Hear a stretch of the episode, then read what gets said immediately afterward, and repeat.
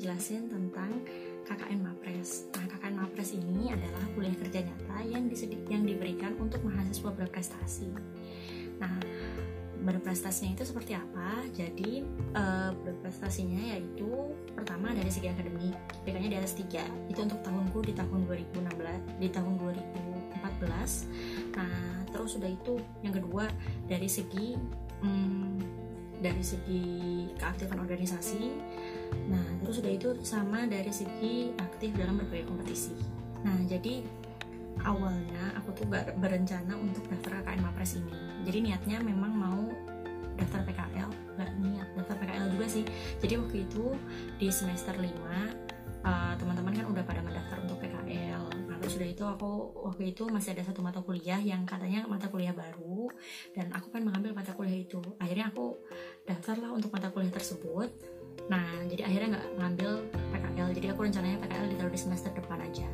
Nah, ternyata setelah beberapa minggu berjalan kuliah tersebut ternyata mata kuliahnya dibatalkan dan akhirnya ya udah kosong deh SKS tersebut. Jadi ya akhirnya aku nggak ngambil eh, terus aku merasa ya udah kenapa ya nggak langsung di eh, masukin aja PKL-nya yang nolak SKS itu terus udah itu mau KPRS tapi ternyata nggak bisa ya udah akhirnya ya udah. Nggak bisa ikut PKL semester ini di saat teman-teman udah pada ngurus PKL ngurus perizinan surat dan proposal dan aku nggak ngurus apa-apa. Nah, tapi alhamdulillah di akhir-akhir semester ini ada pengumuman tentang KKN Mapres ditempel di mading gitu. Terus akhirnya aku merasa ya udah coba aja deh Ka- karena aku lihat juga untuk uh, kualifikasinya aku merasa mencukupi ya udah aku coba daftar. Nah berkas apa aja sih yang perlu dikirimkan ketika kita daftar? Yang pertama yaitu uh, transkrip nilai untuk nilai IPK-nya karena kan kalau mahasiswa berprestasi yang dilihat adalah akademiknya. Itu yang pertama. Terus kedua uh, surat sertifikat atau uh, surat pernyataan aktif organisasi. Karena kan selain aktif di akademik juga harus aktif di organisasi kemahasiswaan kayak gitu dan yang ketiga yaitu sertifikat dari uh, aktivitas kita ikut kompetisi baik nasional, internasional atau sekalipun regional atau internal kampus dimasukin aja semuanya sertifikatnya buat nilai plus sebagai mahasiswa berprestasi gitu. Nah setelah nunggu selama beberapa minggu seleksi, nah akhirnya dapatlah pengumuman hasil seleksinya dan alhamdulillah aku keterima sebagai salah satu peserta KKN Mapres tersebut. Nah KKN Mapres ini uh, Oh ya, untuk KKN Mapresnya, jadi uh, waktu di tahun 2015 ini terbagi menjadi lima eh, terbagi menjadi tiga kelompok, di mana di setiap kelompok ini terdiri dari mahasiswa jurusan TH, TI, dan TE. TH itu apa? TH itu teknologi hasil pertanian, itu jurusanku. Terus itu teknologi industri pertanian, dan yang terakhir yaitu keteknikan pertanian. Nah, kenapa sih harus ada tiga jurusan ini? Karena kita kan mau pengenalan teknologi ini ke masyarakat. Nah, kalau misal jadi nanti TH itu bagiannya untuk misalnya pengembangan produknya atau di bagian produk kayak gitu kan. Karena teknologi hasil pertanian sementara kalau misalnya untuk meningkatkan nilai jual secara ekonominya perhitungannya kayak gitu nah itu dimasukin ke uh, mahasiswa yang dari industri pertanian. Dan yang terakhir kalau misalnya ada alat pengembangan teknologi kayak gitu itu tugasnya dari yang anak uh, mahasiswa di jurusan keteknikan pertanian jadi gimana caranya di dalam satu kelompok itu memenuhi mumpuni gitu loh skillnya dan seimbang antara satu jurusan dengan jurusan yang lain kayak gitu nah ini tuh di tahun 2015 ini uh, jadi karena KKN Mapres untuk biayanya full ditanggung sama fakultas yang pertama nih. Jadi kita sama sekali nggak mengeluarkan biaya kecuali emang buat makan sama tempat tinggal di sana. Oh ya karena kita tinggal di rumah penduduk kan nggak mungkin ya numpang aja gitu. Jadi kita ya sewa salah satu rumahnya. Kebetulan di sana ada penduduk yang punya rumah dua. Jadi uh, selama dua minggu yang punya rumahnya itu berbaik hati untuk pindah ke rumah yang satunya. Jadi rumah satunya yang kosong ini dipakai untuk tempat tinggal kita sebagai uh, anak-anak KKN gitu wah nah uh, tenang aja kok. Tempat tinggal cowok sama cewek dipisah kok. Tenang aja. Nah terus udah itu uh, nah kita bayar untuk biaya sewa tempat tinggal sama buat makan itu aja sih kalau yang lain kayak misalnya untuk pengenalan teknologi setiap kelompok waktu itu dikasih sekitar satu juta atau satu juta lima ratus ya buat uh, beli alat-alat. Kalau waktu itu sih kalau di kita di kelompokku habis buat sebagian besar sih habis buat beli bahan sama beli sealer sebagai alat gitu untuk pengenalan teknologi nanti ke masyarakat kayak gimana. Nah habis itu hmm, uh, untuk pengenalan teknologi itu kayak gimana sih? Jadi waktu itu kita datang ke suatu daerah nah di daerah tersebut itu jumlah salaknya tinggi. Cuma ketika lagi musim salak harga salak itu jatuh banget. Karena kan yang supply banyak yang demandnya sedikit. Nah jadi harga salaknya itu nah uh, turun banget. Bahkan salak pondoh yang misalnya kita beli di luar harganya udah di angka belasan ribu ya. Di sana itu per kilonya cuma sekitar 3000 rupiah sementara yang salak Jawa itu cuma sekitar seribu rupiah per kilogram seribu rupiah aja. Dan bahkan kalau yang salak Jawa ini kadang-kadang dibuang-buang kayak gitu. Karena ya nggak ada nilai jualnya orang aja nggak mau beli gitu. Jadi kadang-kadang cuma dijadikan makanan hewan kayak gitu. Nah uh, di KKN Mapres ini sangat cocok kalau buat teman-teman yang suka dengan pengabdian masyarakat. Terus itu suka terjun ke lapangan terus itu suka membantu masyarakat kayak gitu. KKN Mapres ini sangat cocok karena teman-teman akan di apa ya?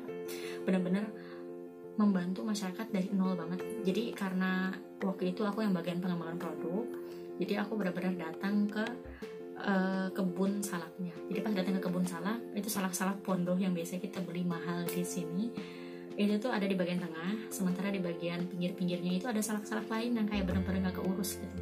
Ternyata itu salak Jawa. Jadi salak Jawa itu di sana saking nggak kepakainya cuma dijadiin pagar biar hewan-hewan buas ini nggak makan salak pondok gitu aja sayang banget kan sebenarnya salak Jawa kalau di luar di sini ya kita tetap harus beli gitu ya Nah, jadi kita itu pengen meningkatkan nilai jualnya dan karena itu nilai jualnya rendah atau bahkan hampir ada nilai jualnya adalah salak Jawa, jadi kita fokus ngambilin produknya yang salak Jawa. Sampai petaninya di sana bingung ngapain sih ngambilin salak Jawa gitu.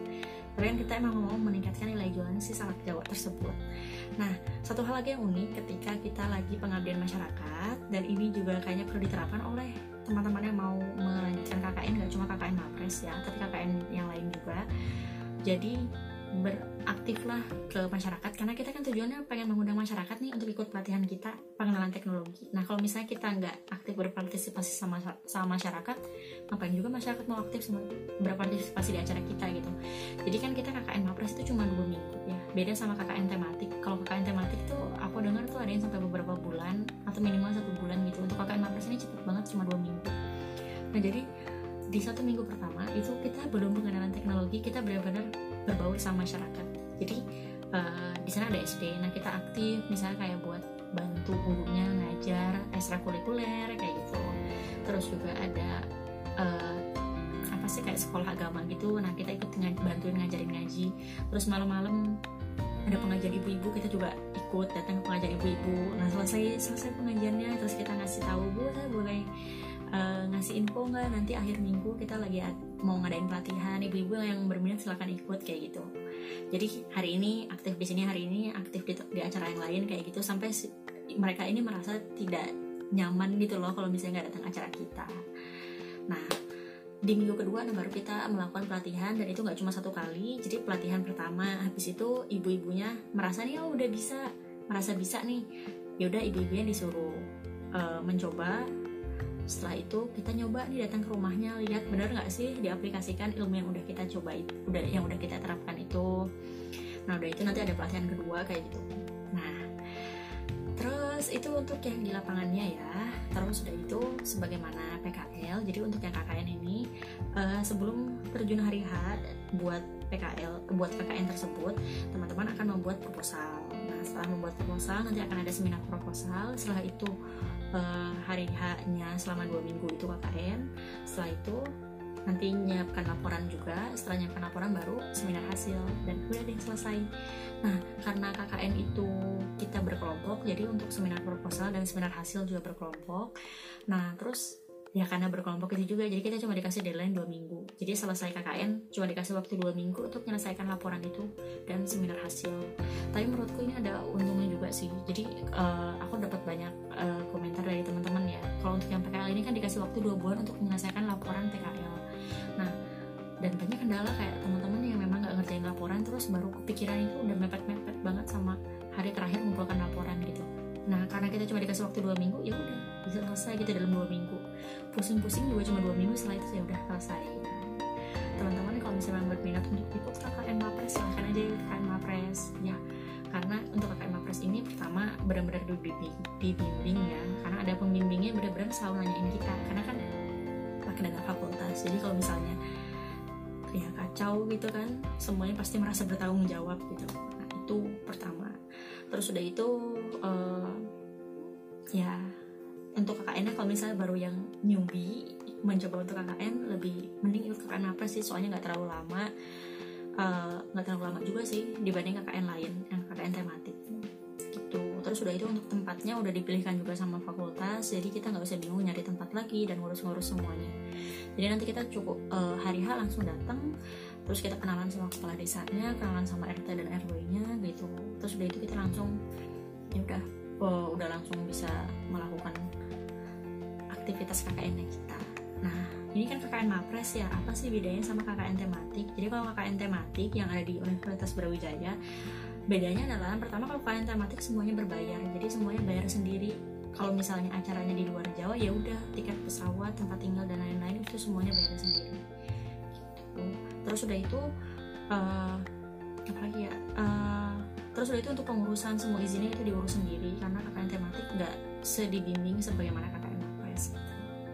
Oke demikian videonya Terima kasih telah menonton video ini Jangan lupa like, share, dan komen video ini Agar lebih banyak teman-teman kamu yang tahu dan menyebarkan manfaatnya